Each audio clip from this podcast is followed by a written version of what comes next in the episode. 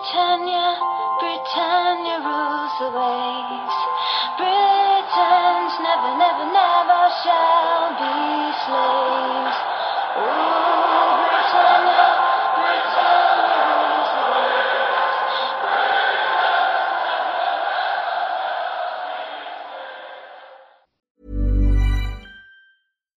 Hey Dave, Yeah, Randy. since we founded Bombus, we've always said our socks, underwear, and t shirts are super soft. Any new ideas? Maybe sublimely soft. Or disgustingly cozy? Wait, what? I got it. Bombus. Absurdly comfortable essentials for yourself And for those facing homelessness. because one purchased equals one donated. Wow, did we just write an ad?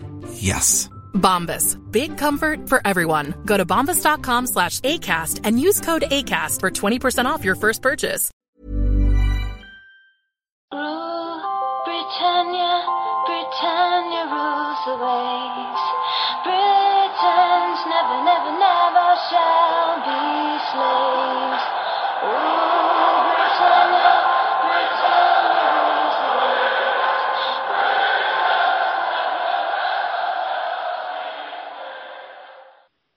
Hej och välkomna till avsnitt 7 i Svenska FPL-podden. Och nu ska vi förbereda oss inför Game Week 3. Med mig har jag Stefan Knutsson. Hej Stefan! Hallå Alex. Nu eh, så är vi igång på riktigt känns det som och eh, de första två Game Week är redan avklarade. Och eh, det här rullar ju på. Podden rullar på och fantasy rullar på. Det har till och med gått så bra att vår podd har spridit sig till vårt grannland i väster, Norge. Så norska Aftenposten hörde av sig till mig och Stefan och vi gjorde ett litet kort gästspel där. De, har, de skriver om, om fantasy återkommande och eh, vi fick vara med där och ge lite rekommendationer i eh, Aftenposten, vilket var jätteroligt. Nu till dagens avsnitt. Agendan är som sådan. Vi går igenom omgången som har gått, säger lite korta ord om varje match. Därefter kommer ett nytt inslag som jag har valt att kalla Under professor Knutssons lupp. Där vi ska kolla lite närmare på prissänkningarna. Vi går vidare med noterbart från veckan där vi har lyft ut några intressanta frågor att kika närmare på och kolla vidare på vår poddliga, hur det går där, vem leder just nu och hur går det för poddlaget. Veckans omgång som kommer eh, i Game Week 3, om det är några matcher som sticker ut där. Och sen så kollar vi på rekommendationerna på alla spelare som vi dels rekommenderade förra veckan men även nu inför kommande vecka. Hur, hur har det gått för våra rekommendationer och hur ska det gå för nästa veckas. Vi kör en kanon och kalkon som den här veckan jag håller i och eh, avslutar med lite lyssnarfrågor. Försöker trycka in så många vi hinner mot slutet. Det har kommit in jättemånga, vilket är jätteroligt. Och eh, vill man skicka in lyssnarfrågor så kan man göra det antingen via vår Facebook-sida.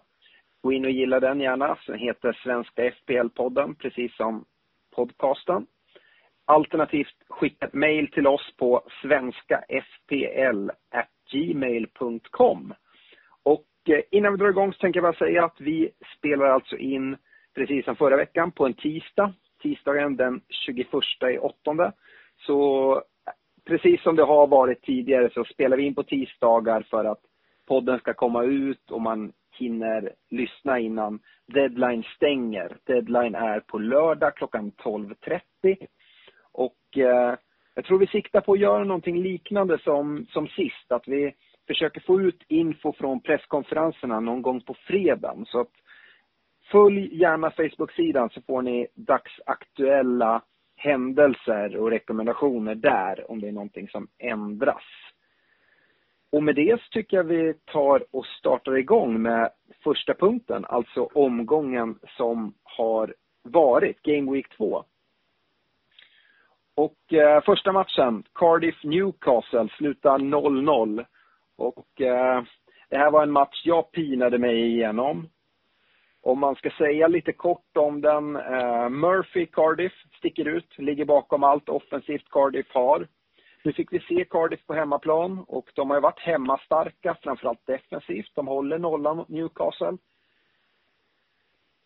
En sak som jag tycker man kan säga om matchen. Kennedy gör en väldigt ful eftersläng och Eh, kan, skulle ha fått ett rött kort enligt mig. Domaren missar allting och här får vi väl följa under veckan om det kan bli en avstängning i efterhand. Jag ser det inte alls som omöjligt. Utöver det så fick Newcastle en utvisning eh, i Hayden, deras högerback som blev inbytt. Och eh, högerbacksproblemen för Newcastle hopar sig. Här kan man även säga att Cardiff satsar på fasta situationer, känns farliga varje gång. Bamba framförallt, deras back, eh, är, är där. Annars är det en typisk Championship-match. Och eh, även att Kennedy bränner straff det sista som händer. Eller man kanske ska säga att Etheridge räddar den. Han ser stabil ut och andra straffräddningen på två game weeks. Så att, eh, ja, jag kanske har en billig målvakt om man vill vill säga någonting om det. Nästa match vi går vidare med är Everton-Southampton. Och eh, jag tänkte ta den också, Stefan, innan jag lämnar över ordet till dig. Men eh, Everton-Southampton slutar 2-1 till Everton. Och det man kan notera är att Ings och Austin startar tillsammans på topp. Ings ser ju väldigt spännande ut. Och eh, precis som vi sa under veckan att Richarlisons tveksamma eh, gula markering i fantasy, det är inget vi ska ta så allvarligt på. Han startar precis som väntat och gör mål. Ett typiskt måltjuvsmål. Och eh, det är en spelare vi har pratat om sen inför säsongen, att det här är en spelare man ska, man ska försöka haka på. Och har man den inte i laget så ta in honom. Annars kan man säga Evertons nyförvärv inte är redo. Det är väl en del skador inblandat där också. Kurt Soma var i alla fall på bänken. Och i Southampton så är Westergaard sjuk och missar matchen. Eh, och Bednarek som är det här 4,0-valet som vissa har gått på, han var inte ens med på bänken. Så att där bör man väl se sig om om man har vandrat den vägen. Walcott gör ett mål, en assist och eh, skulle kunna vara intressant att titta på men som sagt min rekommendation är att man håller sig till Richarlison och stannar där. Eh, Stefan, du ska få prata lite mer om Leicester mot Wolverhampton som Leicester vinner med 2-0. Ja, eh, här tycker jag Wolves har lite oflytt. De har två bollar i virket i första halvlek och båda Leicesters mål går in via Wolves eh, spelare. Ett självmål eh, och en styrning. Eh, I andra halvlek så blir eh, Vardy korrekt utvisad för en riktigt ful kapning. Och man kan väl ändå tycka att eh, Wolves ska kunna få in en boll eller två när de får spela så lång tid med, med en man mer. Eh, ur fantasy-synpunkt så tycker jag eh, man kan notera att Jota blir utbytt i halvtid. Jag har inte läst någonting om, om någon skada där.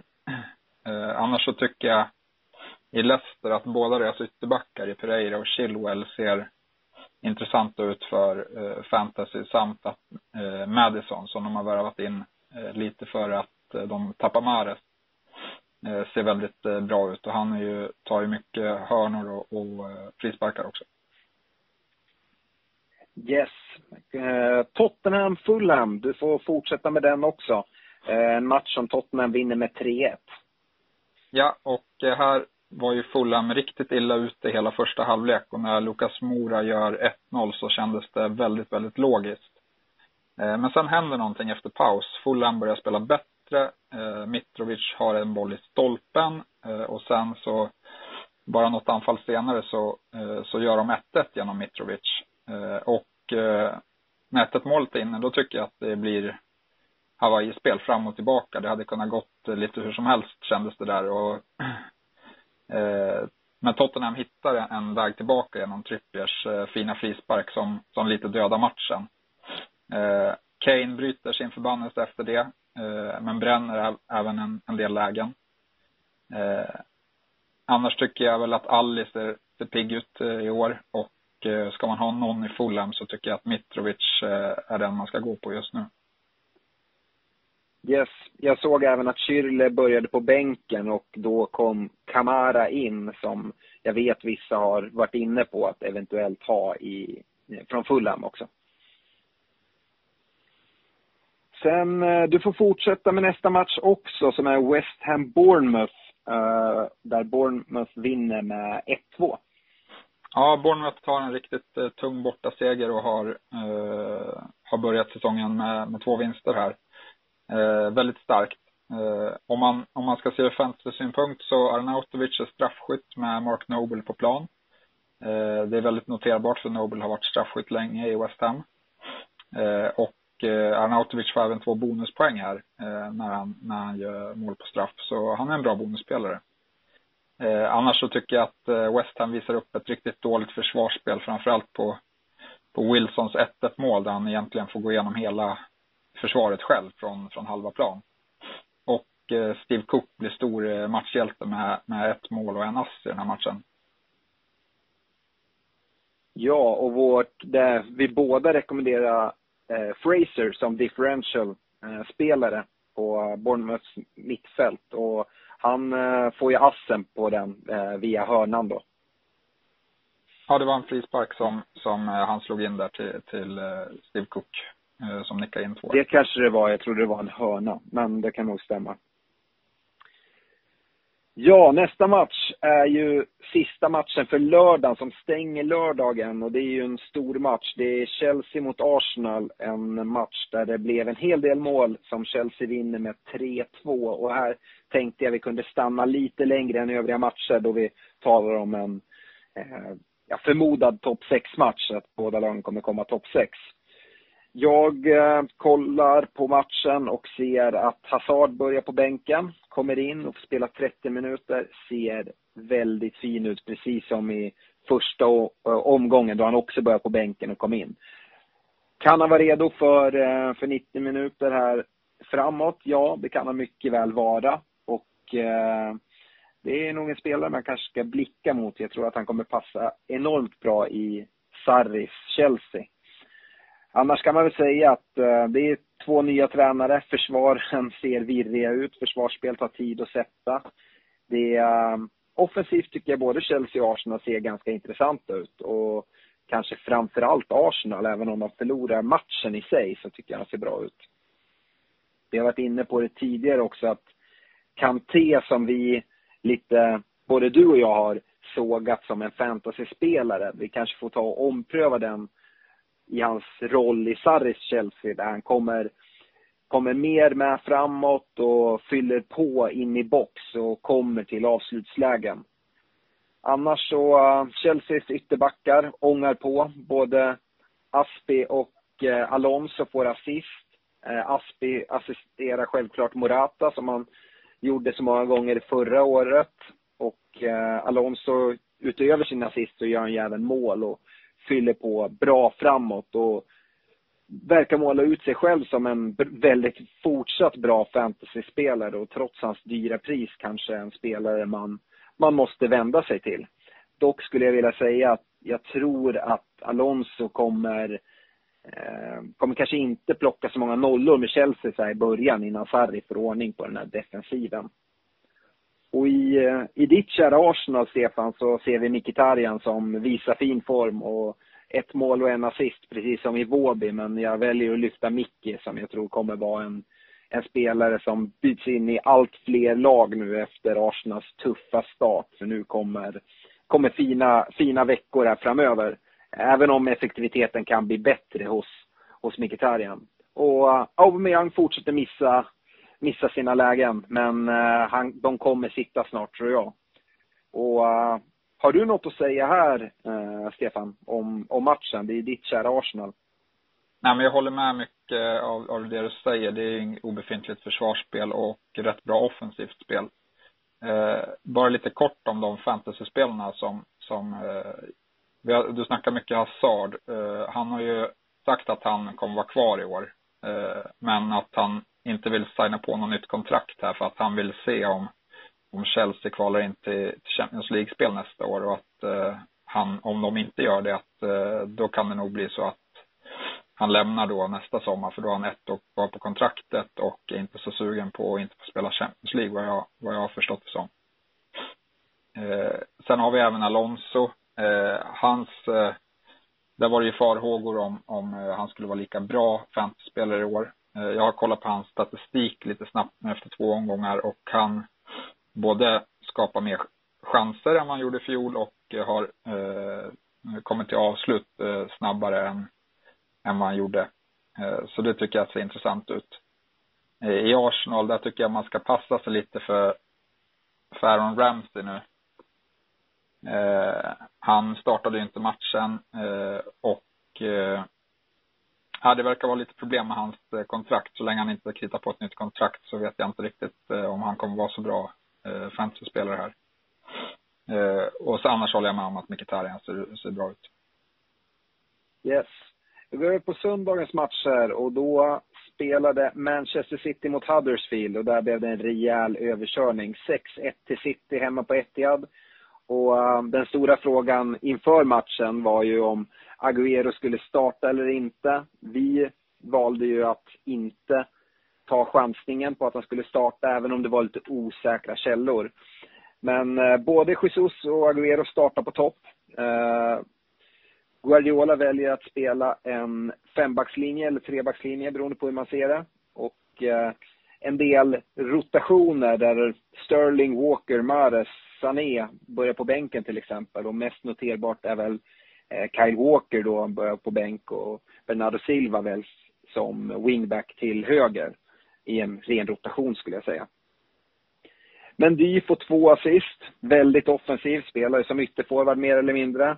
Borde varit tre assist, tycker jag. Men eh, det blir två till slut i alla fall. Agüero gör sitt hattrick. Det är ganska väntat skulle jag säga när han, när han startar hemma. Vi har ju pratat om det, och en väldigt hemmastark.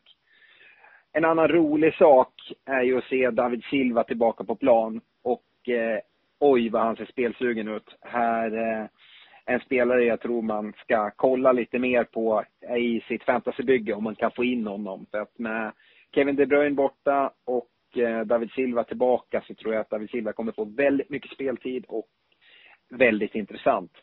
Sen så, alla ni som satt med City-försvarare och då kanske framförallt Mendy som jag tror finns i många byggen. Det är väldigt surt att se City släppa in det här slarvmålet som kommer på ett långt inkast. Men eh, det är som det är och Mendy får man väl trösta sig att han ändå fick de här två assisten. Nästa match på söndagen var Burnley mot Watford som slutar 1-3 och Watford vinst. Vill du berätta lite om den, Stefan? Ja, Burnley släpper för ovanlighetens skull in tre bollar på hemmaplan. Eh, de har inte riktigt energi att hota eh, efter att eh, Watford har gjort 1-2 i den här matchen. Och då kan man ju fråga sig, är det någon form av Europa League-baksmälla? Mycket resande, även, för dem, även fast de inte ställde upp med så bra lag.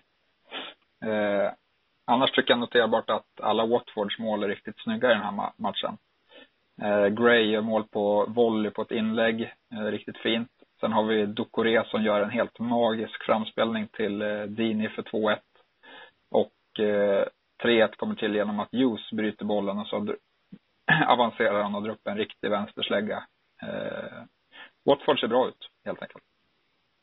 Ja, och Burnley gör mål på fasta situationer. Gudmundsson får assisten som tar deras hörnor och frisparkar och Tarkovski nickar in den. Nästa match på, som avslutar söndagen är Brighton mot Manchester United där Uniteds eh, start inte riktigt är önskvärd för oss som hejar på dem. Brighton vinner med 3-2 och jag orkar helt enkelt inte prata om den matchen Stefan, så jag lämnar över ordet till dig. Ja, helt klart omgångens skräll. Eh, Sanchez kommer inte till start med en skada. Eh, United släpper in tre mål på en halvlek mot Brighton. Eh, visar upp dåligt försvarsspel. Man ska ändå notera att det sker väldigt nära på att rädda eh, Gross straff. Eh, Shaw får en väldigt tursam assist när han skjuter rakt ner i backen som går fram till Lukaku som nickar in den. Och Pogba är återigen straffskytt och med det blir han en väldigt eh, bra bonusspelare. Eh, annars tycker jag United skapar väldigt lite här, trots att de behöver jaga matchen i andra. Ja. Eh, vi går snabbt vidare från United och eh, in på måndagens match där många satt och väntade på, hade flera spelare som skulle spela och det var ju Crystal Palace mot Liverpool och ser ut som en kassaskåpssäker seger om man kollar på siffrorna. 0-2, att Liverpool vinner enkelt. Men eh, det är väl inte riktigt hela sanningen skulle jag säga. Liverpool gör ju mål i eh, första halvleks sista minut skulle man kunna säga. Och uh, där, uh, ja, jag tycker Pallas såg väldigt bra ut och uh, här kan man säga van Bissaka inleder jättefint.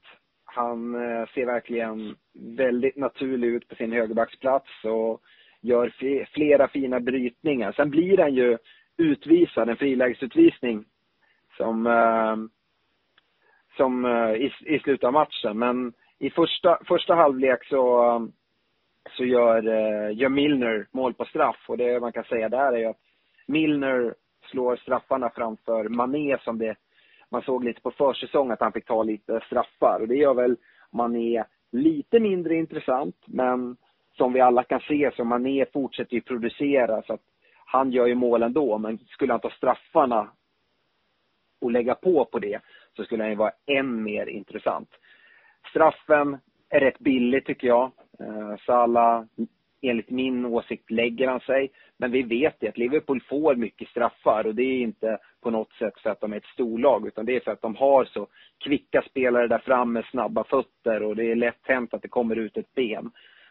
Just i det här fallet får ju Salah en assist för att han lägger sig, tycker jag, lite, lite billigt. Men eh, det är svårt att handskas med Salah och Mané och Firmino där framme. Och eh, ja, Mané stänger ju matchen i, väldigt sent i andra halvlek då med ett eh, sent mål i en kontring där Salah får ytterligare en assist och många som satt med Salah som kapten, de som inte hade valt Agüero-spåret, kunde andas ut lite grann i alla fall och bli en liten tröst. Annars så, eh, ja, van Bissaka blev utvisad nämnde jag. Eh, men eh, det ska bara vara en match avstängning tror jag. Eh, annars brukar direkt rött kort vara tre, men jag tror att det bara ska vara en match. Så här skulle jag säga, håll kvar honom. Det är en spelare man kanske kommer vilja ha under hela säsongen. Till det priset. Men, och även Wilfred Zaha. Ha lite tålamod där. Han har inte levererat poäng i den här matchen nu, men nu ser Crystal Palace spelschema väldigt fint ut och jag tror att uh, han ställer till lite problem för Liverpool i den här matchen också. Jag tror att han kan vara, vara bra att ha. Med det så har vi gått igenom omgången. Och jag tänkte presentera nya programpunkten då, under professor Knutssons lupp. Och uh, här har du noterat någonting kopplat till ganska häftiga prissänkningar. Och jag, jag lämnar helt enkelt över ordet så får du prata lite mer om de bitarna.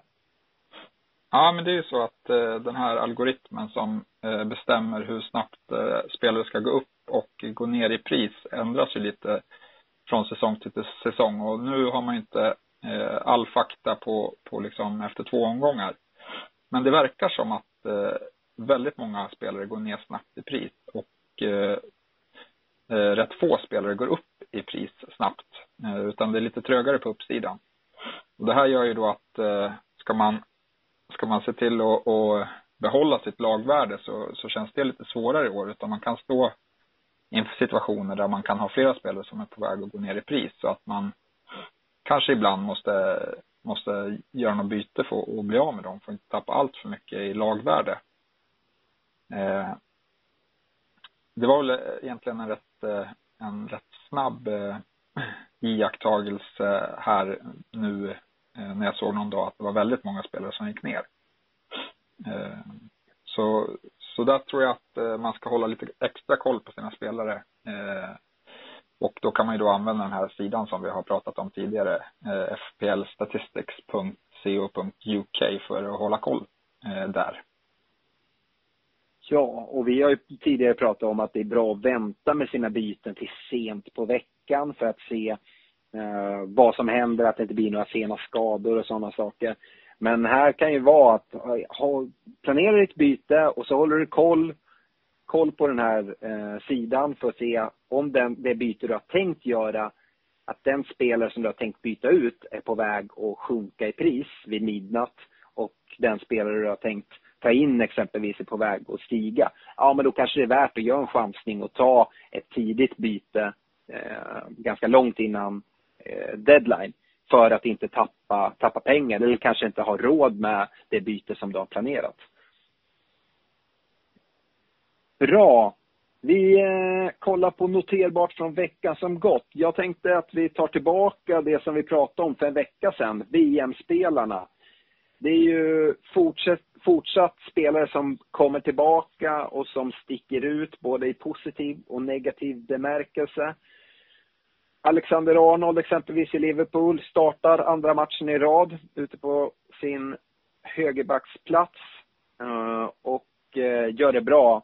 Ett eh, alternativ i Liverpool-försvaret om man inte väljer van Dijk eller Robertson som också ser väldigt bra ut men som kostar 6,0 och Alexander Arnold ligger på 5,0. Så där kan man spara in lite pengar och ändå få ett bra väg in i Liverpools försvar och Eh, Alexander Arnold tar ju en del frisparkar och eventuellt vissa hörnor också. Så att han, han tycker jag är intressant. Jag eh, kollar om man ska åt andra hållet. Vardy tillbaka. Eh, gjorde ett inhopp mot United och gjorde ett sent mål. Såg att många bytte in honom, konstigt nog. Drog ett rött kort. Eh, blir väl borta i tre matcher nu då, förväntar jag mig. Och eh, ja, där håller man sig ifrån såklart. Annars eh, i Tottenham har vi ju Kane, Trippier, Alli. Alla är tillbaka. Kane ger till och med mål i augusti nu som du nämnde. Ändå tycker jag han ser ah, inte glödhet ut på något sätt. Han kommer göra sina mål, men till det priset så håller jag mig undan i alla fall. Trippier, ja, han kommer också göra sina poäng. Nu hängde han i frispark här, jättefint i matchen. Men ja, jag förväntar mig att de kör varannan match med han och Ore på, på högerbacken och då vill inte jag betala 6,0 för honom i alla fall. Däremot Ali tycker jag ser bättre ut än eh, vad han gjorde förra säsongen. Han hade en liten dipp förra året, men nu verkar han hitta en bättre position i plan och, och sådär. Vi har annars spelare som vi pratar om. Lukaku gör mål, startar i United, men United ser väl inte glödheta ut heller och till det priset, ja, jag vet inte. David Silva, som sagt, jag nämnde det när vi pratade City, han är tillbaka. Eh, det kan vara mycket intressant och han kommer få speltid, vi har redan pratat om det. Och sen Hazard, eh, gör ett inhopp men jag tror han är redo för 90 snart. Har du något att tillägga där Stefan? Är det någon spelare du tycker vi, vi ska lyfta mer utav VM-spelarna eller antingen i positiv eller negativ bemärkelse? Utöver de jag har nämnt nu? Eh, nej, väldigt få. Jag tycker Pogba med, med straffskyttarna verkar liksom, det verkar som att han, han tar dem nu och då, då kan han vara intressant om United eh, förbättrar sig lite. Eh, och eh, jag håller med om, om Trippier där, men det är lite synd för både Trippier och Davis är ju extremt bra när de spelar. Eh, tyvärr så är det ju för mycket rotation. Ja. Ja, sen så fick vi en fråga här. Jag tänkte ta den på noterbart också. Hur, hur vi känner om vår egen fingertoppskänsla på sista minuten-byten. Och jag antar att det, det syftas mot, till exempel när vi tog ut vårt lag så gjorde vi sena byten, tog in Victor Nilsson Lindelöf istället för Luke Shaw. Luke Shaw börjat fint, gör mål i första matchen, får en assist i den här matchen. Eh, vi gjorde även bytet från Eh, Andrew Robertson till van Dijk i Liverpool-försvaret. Robertson har sett jättefin ut och tagit mer poäng än van Dijk.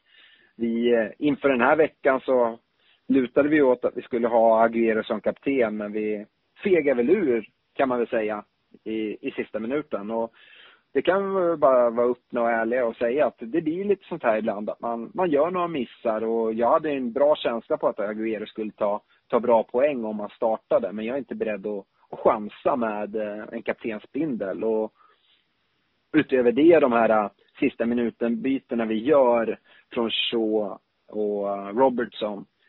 Ja, Robertson kanske man skulle ha kvar. Å andra sidan tycker jag van Dijk ser bra ut. Jag skulle inte gå in och göra ett byte där, rent sidledsbyte. Om jag inte skulle dra ett wildcard så kanske jag skulle överväga det.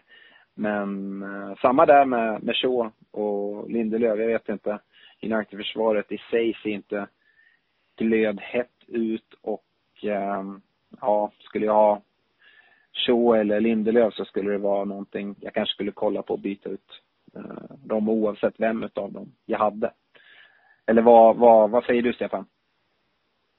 Eh, ja, jag, jag håller med. Eh, som sagt, eh, vi kan ju nog förvänta oss att Mourinho kommer göra någonting med laguttagningen här inför nästa match. Eh, han kommer inte vara nöjd med hur det såg ut. Helt klart. Citys rotation är det sista som jag har uppskrivet på noterbart. Och eh, ja, Stefan, vad säger du om eh, Citys eh, rotation, eller Peps rotation kanske vi ska säga? Ja, att det är väldigt få spelare som är säkra på att starta vecka efter vecka. Att Kyle Walker skulle bli bänkad för Bernardo Silva på en wingback-position, det, det är nog få som hade förväntat sig. Och även att Sterling blir inte får spela en enda minut i matchen som såg riktigt eh, fin ut i första matchen.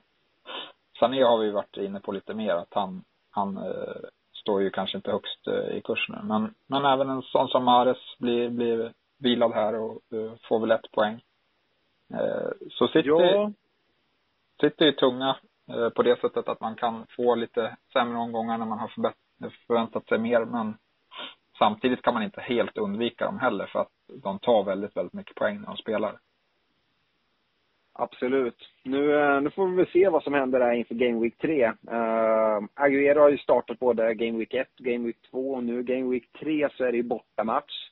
Och normalt sett har han ju vilats där. Å andra sidan har ju Pep sagt att Aguero ser, ser mer återhämtad ut. Han har haft mycket skadebekymmer. Han ser mycket bättre ut. Så att det är möjligt att han får fortsätta. Jag vet inte. Men en annan sak som är intressant med City, nu följer det jätteväl ut mot Huddersfield. Och det är ju det här trebackssystemet med wingbacks på, på kanterna. Jag tror att det kan komma att fortsätta mot lite sämre lag. Och det betyder ju att Citys kantspelare och den mest utpräglade kantspelaren kanske är Mares kommer få lida utav det. Det finns ingen riktig plats för honom i ett sånt system. Så att, eh, ja, där får man väl kolla lite mer noggrant här vad som händer. Men jag skulle vara väldigt orolig om jag satt med Mares i mitt fantasybygge. Med det så går vi vidare till eh, själva ligan, poddligan, för att följa upp lite hur, hur det ser ut där. Och eh, jag kikade lite på hur det såg ut. Vi har ju en ny ledare i eh, Poyan Sarai och hans lag Fan är som mig. Han har alltså 211 poäng efter två game weeks och eh, det får man säga är väldigt imponerande. Han kör också utan Sala, precis som Joel som ledde efter första. Jag är inte helt säker att det kommer vara ett vinnande koncept under hela säsongen, men det har visat sig fungera väldigt bra här till en början. Han hade ju kaptenen på Agüero den här omgången och tog 40 poäng där och det påverkar ju såklart. Men den här omgången tog han 98 poäng tror jag. Och då fick han ändå in van Bissaka från bänken, stackaren. Han hade alltså han som första på bänken och Sanchez i United eh, spelar inte eftersom att han skadade sig på fredagsträningen. Så det var, det var väl lite surt, men han tror jag inte gråter jättemycket eftersom att det ändå har gått så pass bra. Om man kollar de andra som ligger med uppe så har vi Daniel Sundberg på en andra plats på 203 poäng som också är jätteimponerande. Och Sebastian Eklund och Kalle Peterhoff på 200 poäng där de ligger delad tredje plats. Så att vi har fyra spelare som har 200 poäng eller mer och det är ett snitt på 100 poäng i gameweeken. Får se om de kan hålla det. Det är väl inte jätteenkelt men eh, måste vara skönt att ha en sån fin start på säsongen. Precis som förra veckan så har jag hört av mig till eh, vår ledare i ligan eh, och den här gången då Poyan Sarai och ställt tre frågor. Jag ställde samma frågor som jag ställde till Joel förra veckan. Och eh, där frågade jag om han planerar något byte inför nästa Game Week och i så fall vilket. Han svarar att han eh, kanske planerar att göra två byten. Men eh, det som är allra säkrast att han kommer att göra, det är Hazard mot Alexis. Alexis som sagt eh, fick han ju in van Bissaka för här senast och trots att Alexis var med i första matchen och fick en assist så har han fått stenhård kritik för sitt spel och även fast han nu var skadad så så spelar han ju inte, men eh, det finns ju riktigt bra ersättare i form av Martial. Eh, så därför tror Pojan att risken finns att Sanchez kan bli bänkad fler gånger i framtiden. Och eh, därför byter han då Alexis mot Hazard. Eh, och han var inne på, precis som du sa Stefan, att Hazard har meddelat att han stannar i Chelsea även i år. Och det, det kommer nog göra att Hazard får tränarens förtroende ytterligare och även att hans egna förtroende får en boost. Sen, ehm, sen så tror jag ändå att i och med de här fina inhoppen så tror jag att det kommer leda till att eh, Hazard startar trots eh, de två första matcherna han har fått relativt korta inhopp. Han har gjort poäng i båda inhoppen och imponerat spelmässigt, så nu är det nog dags för 90 minuter.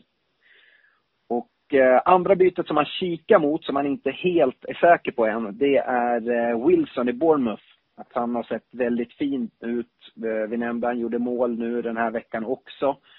Och eh, när han slog miljardbygget West Ham på bortaplan. Så att eh, han funderar på att spara lite pengar helt enkelt och ta ut Firmino i Liverpool och få in Wilson istället. Då har man lite pengar i banken ifall något oväntat händer och man behöver pengar någon annanstans. Andra frågan jag ställde var ju kaptensval inför nästa Game Week. Och eh, här är han ute och pratar om att han funderar kring Agüero då han gjorde det så bra nu senast eh, och att City spelar som ett mästarlag. Men eh, det är inte omöjligt att det även kan bli Mané eh, som har varit och visat så fin form. Det kommer bli något han bestämmer sig fem minuter innan deadline, säger han. Och eh, sen så hans bästa fantasy-tips. Hör upp nu allihopa om ni vill snitta 100 poäng, mer än 100 poäng, det är att våga byta in spelare som är i form, även fast de inte är storspelare. Man behöver inte gå på namn hela tiden. Exempelvis så tar han upp att eh, Ryan Fraser som han har i sitt lag, han eh, i Bournemouth där, han har gjort över 15 poäng redan. Medan Alexis då som alla vet bara har gjort 5 poäng. Prisskillnaden är stor också och eh, även om eh, Pojan förstår att eh, eh, Fraser kanske inte förmodligen kommer fortsätta i den här formen för evigt så kommer det då finnas andra spelare. Så att eh, de dyra spelarna är inte alltid de bästa. Och det kan vi väl hålla med om, eh, eller vad säger du Stefan? Ja, men Fraser gillar vi ju båda två här. Ja.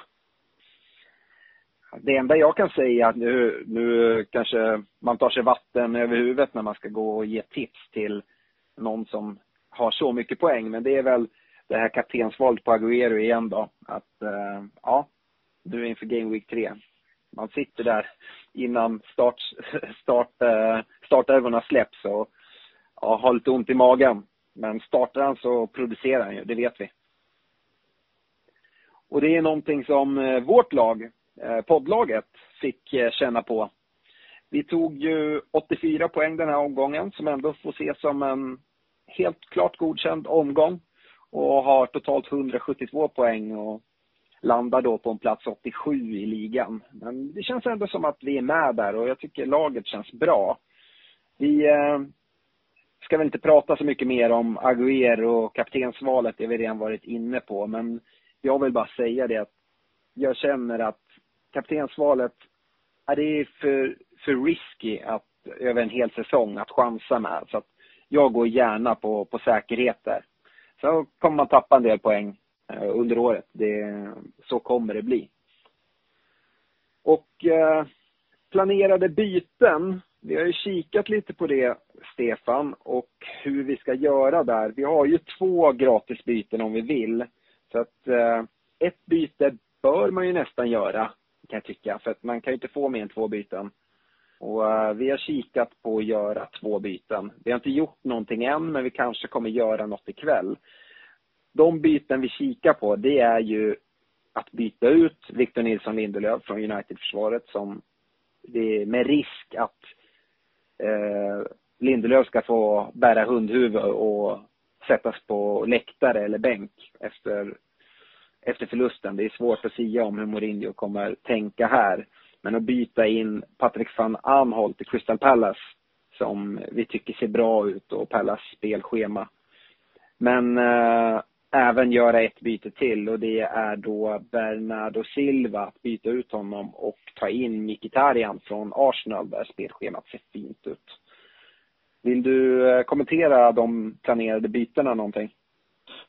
Ja, men eh, van Anholt eh, såg ju riktigt bra ut offensivt i första omgången och eh, jag tyckte att de visade upp ett väldigt bra försvarsspel mot, mot Liverpool här igår.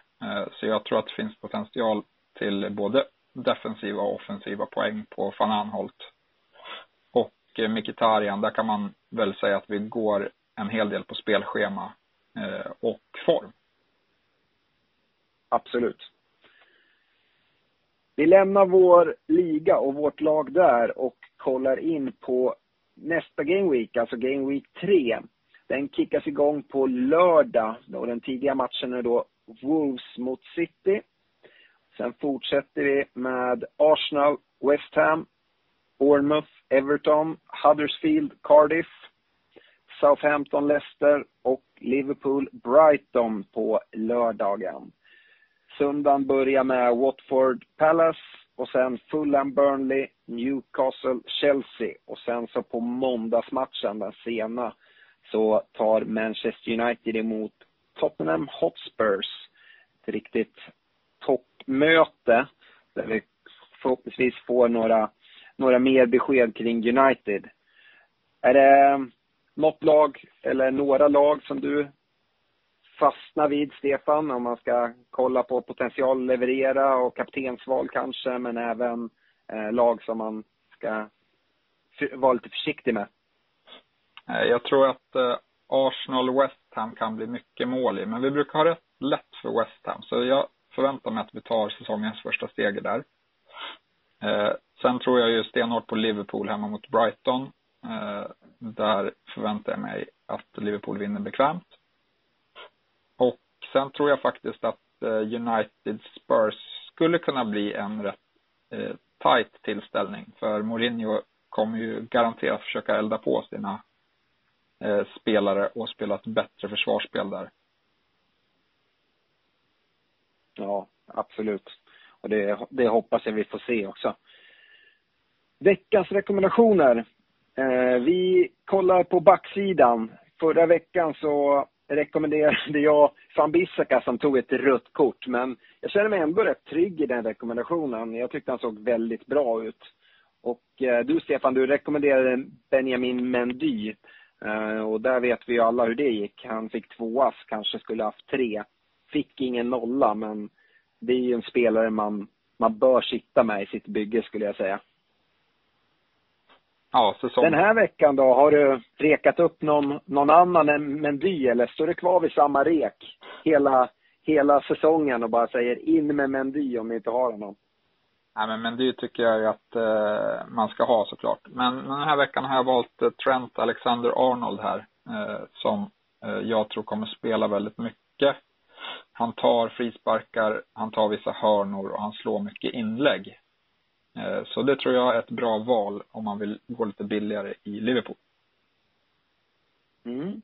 Och jag har valt en riktig premiumförsvarare eh, som nu har stigit i värde. Men det är ju Alonso i Chelsea. Eh, han, du var inne på hans statistik så att jag tänker inte säga så mycket. Men han ser ju enormt bra ut. Han kostar 6,6 nu men alltså kollar vad du får för 6,6 i i anfallet exempelvis. Det kanske är bättre att köra lite lättare fram för att ha råd att få in honom. Chelsea ser fina ut och Alonso, även om nollorna kanske inte kommer rulla in så erbjuder han offensivt hot hela tiden. Så det är min rekommendation på, på backsidan. Mittfältet, där eh, rekommenderade jag Pereira från Watford eh, och du rekommenderade Sadio Mané är det någonting vi vill, vill säga om det? Har du något att säga, Stefan? Eh, nej, Mané gjorde mål igen, fick bonus. Eh, han känns, känns bra. Han har matchat Salah än så länge eh, på säsongen. Får se om det kan fortsätta. Mm.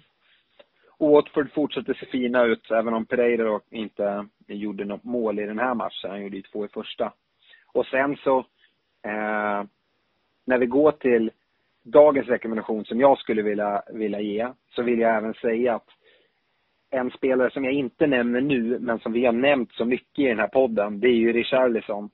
Eh, har man inte han i byggen än, så, så ta in honom. Men eh, jag skulle vilja säga nu, Mkhitaryan. Vi sa att vårt lag håller på och tar in honom. Och det är min rekommendation helt enkelt. Både utifrån form och spelschema som, som nämnt tidigare.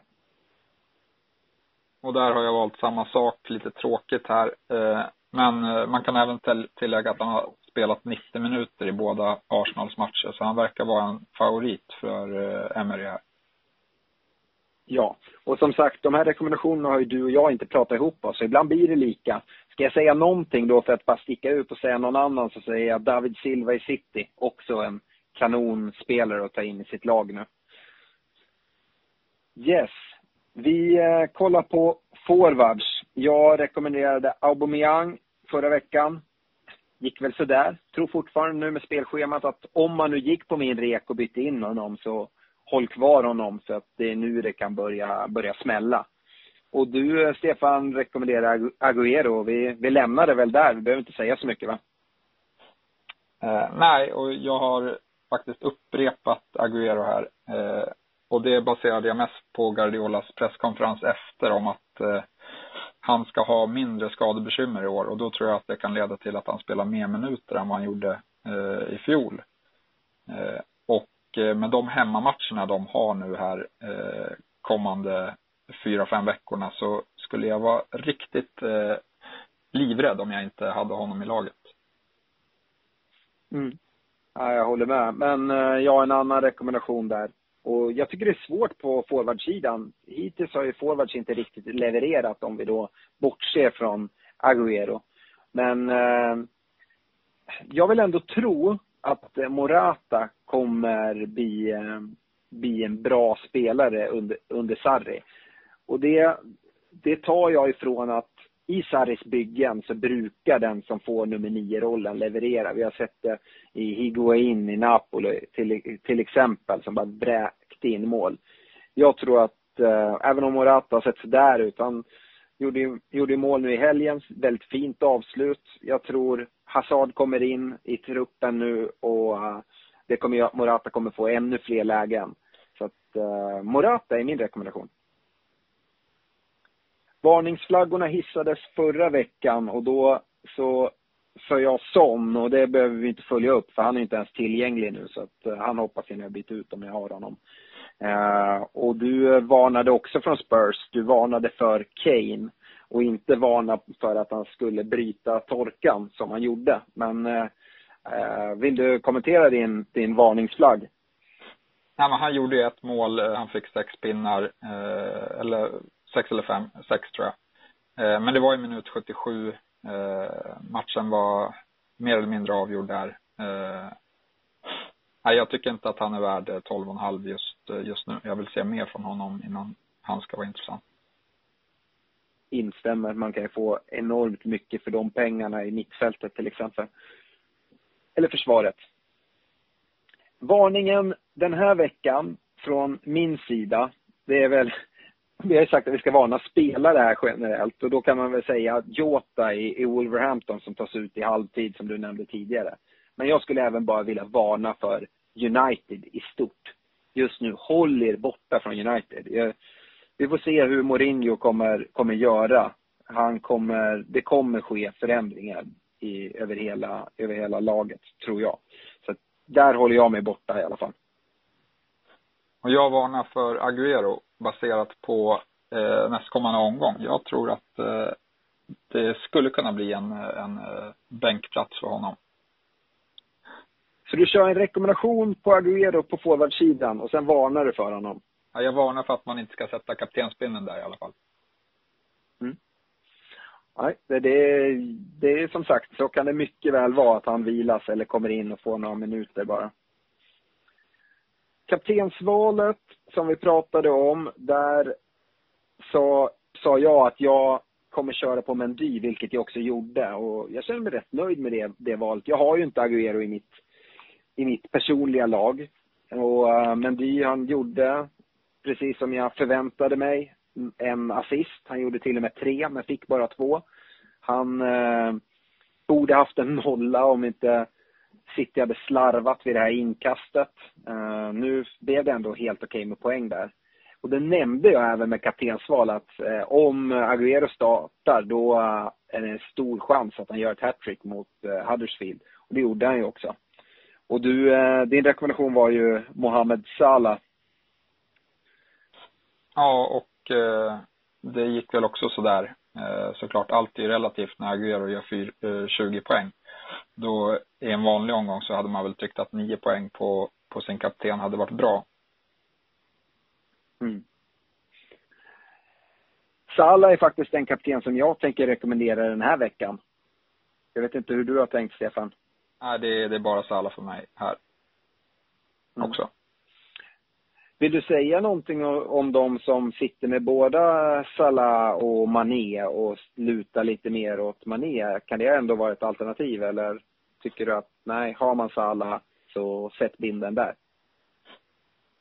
Ja, det är klart det kan vara ett alternativ. Eh, sen, sen tycker jag väl att jag tyckte lite mot Crystal Palace att Salah hotade kanske något mer. Eh, det var ju, han blev ju faktiskt eh, eh, kapad där utav van Bissaka i friläge. Eh, han hade ett, eh, ett eh, halvt friläge där när Hennessy kommer ut och gör det bra. Eh, så jag tycker liksom, det var, det var nog närmare att Salah tog mer poäng än, än Mané i den matchen enligt mig i alla fall. Ja, nej, Mané gör ju sista målet matchen i sista sparken så att eh, han räddade ju upp de som hade hade, hade honom i laget eh, med, med det egentligen. Differentialvalet, alltså ett ägarandel under 5% Där rekommenderar vi båda Fraser och uh, det kan man väl bara säga kort att han fortsätter ju leverera och ser fortsatt intressant ut till en väldigt låg kostnad. Han ägdes då av 1,7 procent när vi rekommenderar honom. Han är uppe på 4% nu så att det, det är folk som har hoppat på det tåget och jag kan inte se att uh, hans ägarandel ska sjunka utan snarare tvärtom.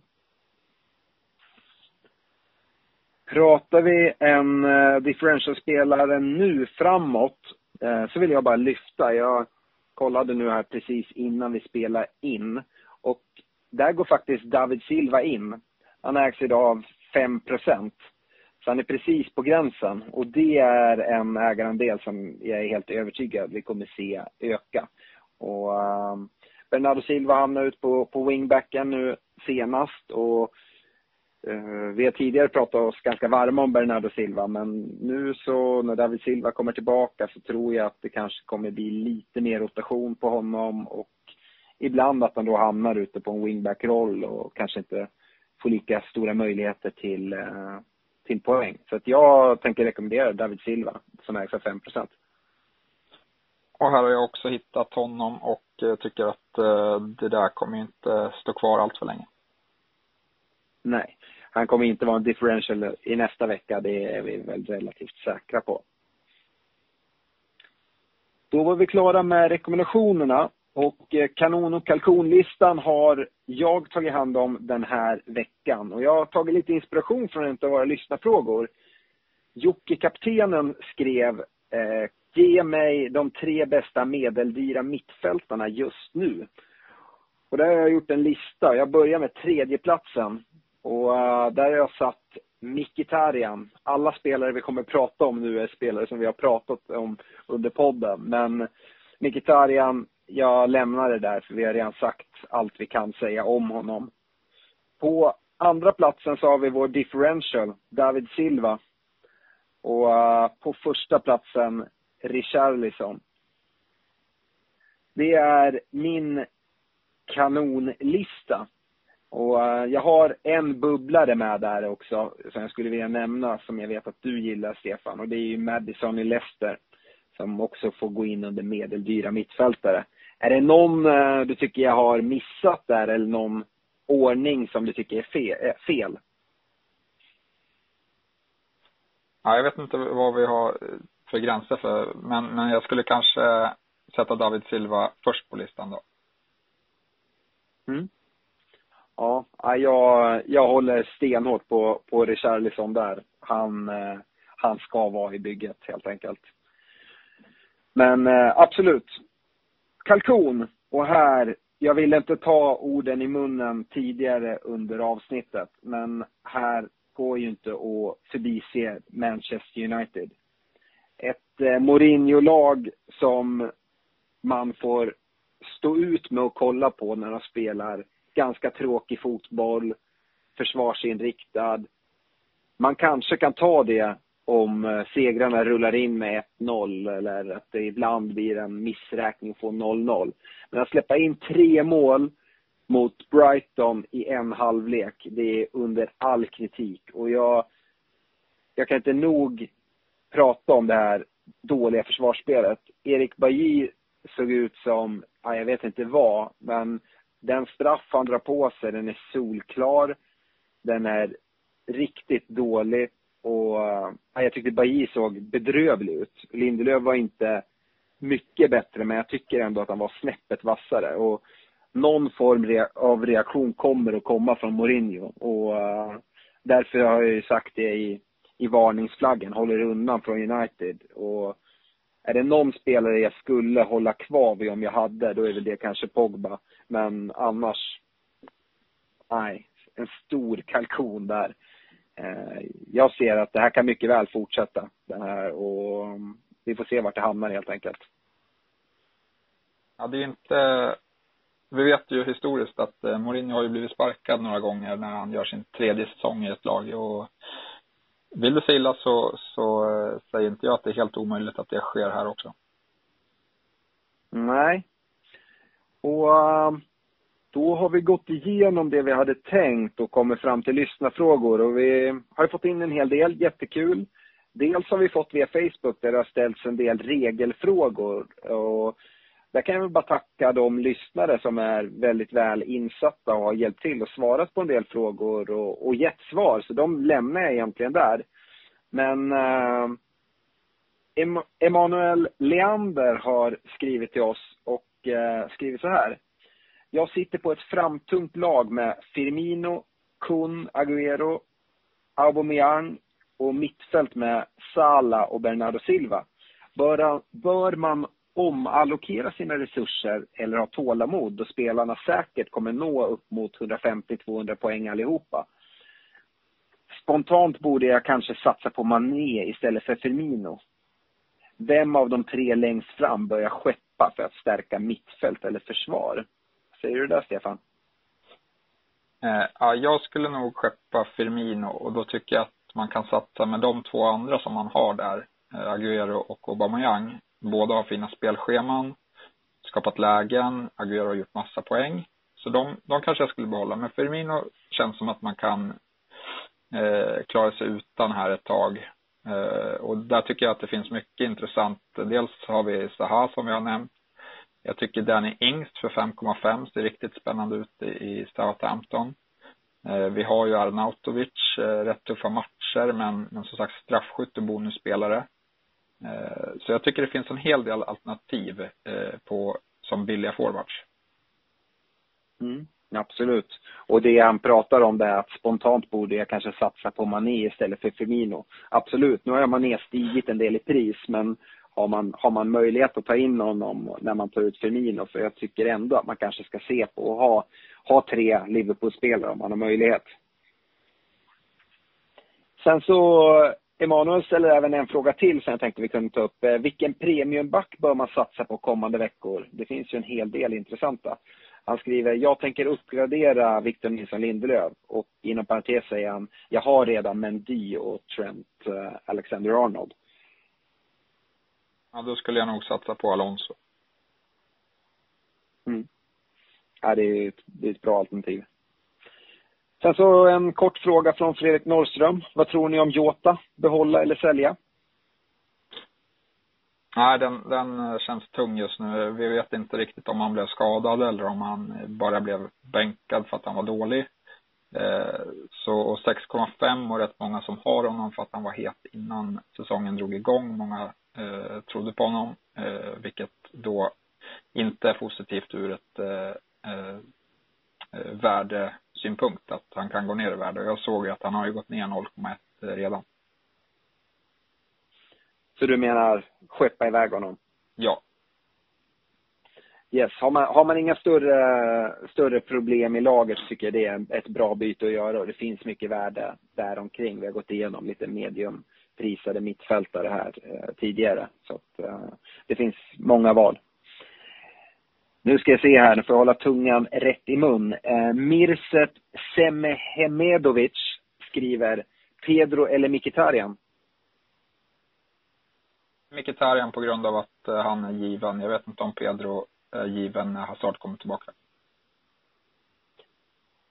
Saha eller Tosun? Saha. Bättre matcher. Ja, jag håller med i båda. Adrian Couture. Jag har Bernardo Silva i mitt lag. Är det värt att byta ut honom mot Mkhitaryan med tanke på Arsenals spelschema och Citys risk för att vila bra spelare? Ja, det har vi mer eller mindre svarat på vad vi tycker i och med det bytet som vi planerar i vårt lag här. Ja. Och uh, har ni några tips på bra 4,5 backar? Nu är inte Holibas 4,5 längre. Han har gått upp. Men uh, i ett Watford som ser bra ut, starka på hemmaplan, där en 4,6 back tar hörnor och frisparkar känns giftig. Ja, jag tycker att det är jättesvårt. Ehm, jag har svårt i år. Jag brukar ha ganska enkelt att hitta bra 4,5 backar, men i år tycker jag det är jättesvårt. Jag tycker det är de här premiumbackarna som jag har varit inne på, där, där det finns värde och sen så finns det som sagt van Bissaka på 4,0. Så att, eh, jag, jag kan inte komma på någon annan. Sista frågan. Jag tänkte vi tar den här. Eh, eller vi kanske tar två till. Eh, men Fredrik Fidde Andersson skriver, i ett bygge med en Liverpool-spelare och ingen från Chelsea, hur hade ni spelat? Salah och Walcott eller Hazard och Mané? Alltså det jag menar, sprida riskerna eller köra mer på spelare från samma lag. Oj, det kändes ju som att eh, Hazard och Mané lät ju hetare. Sen kan det bli lite mer problem med kaptensvalen där. Men, men eh, de två kändes hetare än, än eh, Walcott och eh, Salah. Ja, och där skulle jag även vilja säga att Walcott gjorde ett plus nu, men eh, Everton har ju gjort en hel del spelarvärvningar och Richarlison kommer inte flytta på sig. Men Walcott, jag vet inte om han kommer vara helt given vecka efter vecka. Så att jag lutar också åt Hazard Mané. Vi kör eh, sista, eh, sista frågan här. Vi har fått en fråga från Sebastian Gryvik. Tankar kring detta? Crystal Palace mot Liverpool som exempel. Har Palace back, men även tre Liverpool-spelare. Ska alla spela eller sätter man Palace-backen på bänken och hoppas att eh, Pool kör över dem? Ja, det blir ju svårt så här i efterhand. Man, man påverkas ju en del av hur matchen gick. Eh, men, men jag, i liknande situationer så tenderar jag att eh, försöka tro hur matchen ska sluta och gå på det. Mm. Ja, det här var ju bara ett exempel han tog. Eh, och jag tror, jag tror precis som du att det är väl bra att tänka, men se att den här matchen kommer bli väldigt målrik åt båda håll. Ja, men då kan jag ju spela med två offensiva, alltså offensiva spelare från båda lagen.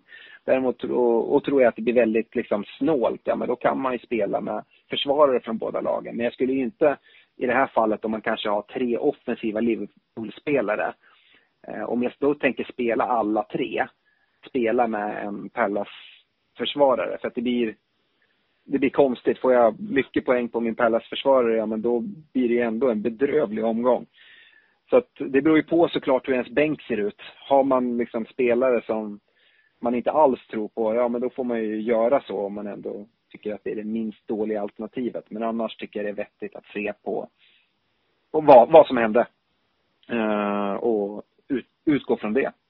Jag har två bra exempel, där, på, jag har ja. två bra exempel på just den här frågan från mitt personliga lag. Eh, där valde jag att spela med både Arnautovic och Fraser som mötte varann. Eh, för att jag trodde ändå att jag var inte imponerad av West Hams försvarsspel i första matchen. Så jag trodde att de skulle släppa in mål mot Bournemouth. Och, och det föll väl ut. Och sen hade jag fem spelare från Crystal Palace, Liverpool. Eh, Van Bissaka och Zaha eh, för Crystal Palace. Eh, och eh, Robertson, Salah Mané från Liverpool.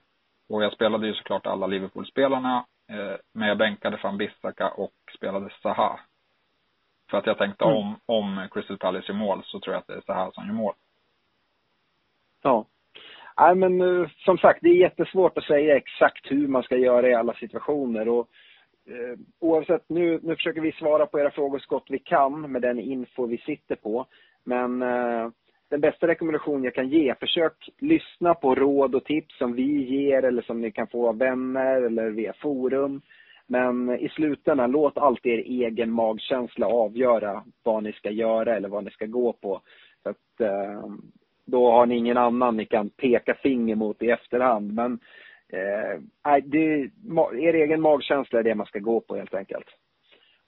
Och nu så har vi väl tickat upp mot en timme ungefär och jag tror vi får bryta där även fast det finns många fler lyssnarfrågor. Och ni som inte fick era frågor upplästa, fortsätt gärna skicka in dem nästa vecka och veckorna som kommer här så ska vi försöka svara på så mycket som möjligt.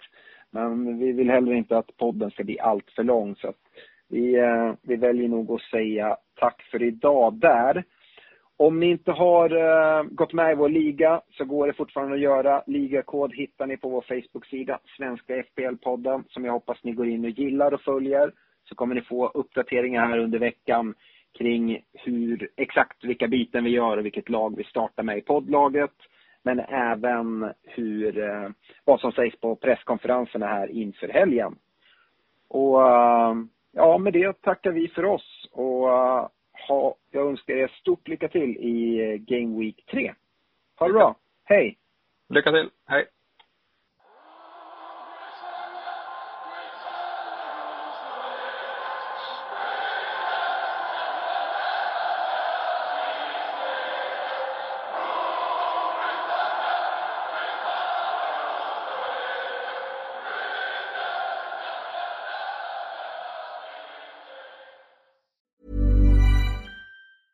Mom deserves the best, and there's no better place to shop for Mother's Day than Whole Foods Market. They're your destination for unbeatable savings, from premium gifts to show-stopping flowers and irresistible desserts. Start by saving 33% with Prime on all body care and candles. Then get a 15-stem bunch of tulips for just $9.99 each with Prime. Round out Mom's menu with festive rosé, irresistible berry chantilly cake, and more special treats. Come celebrate Mother's Day at Whole Foods Market.